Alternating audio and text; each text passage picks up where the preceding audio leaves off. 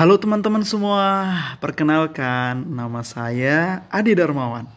Pagi ini adalah pertama kalinya saya akan melakukan podcast. Mohon doanya teman-teman dan supportnya.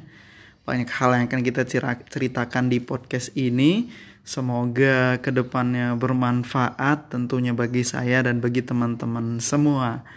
Nah, apa aja yang perlu diceritakan? Tentu banyak akan saya akan bercerita tentang keseharian saya, keseruan saya dalam membaca buku.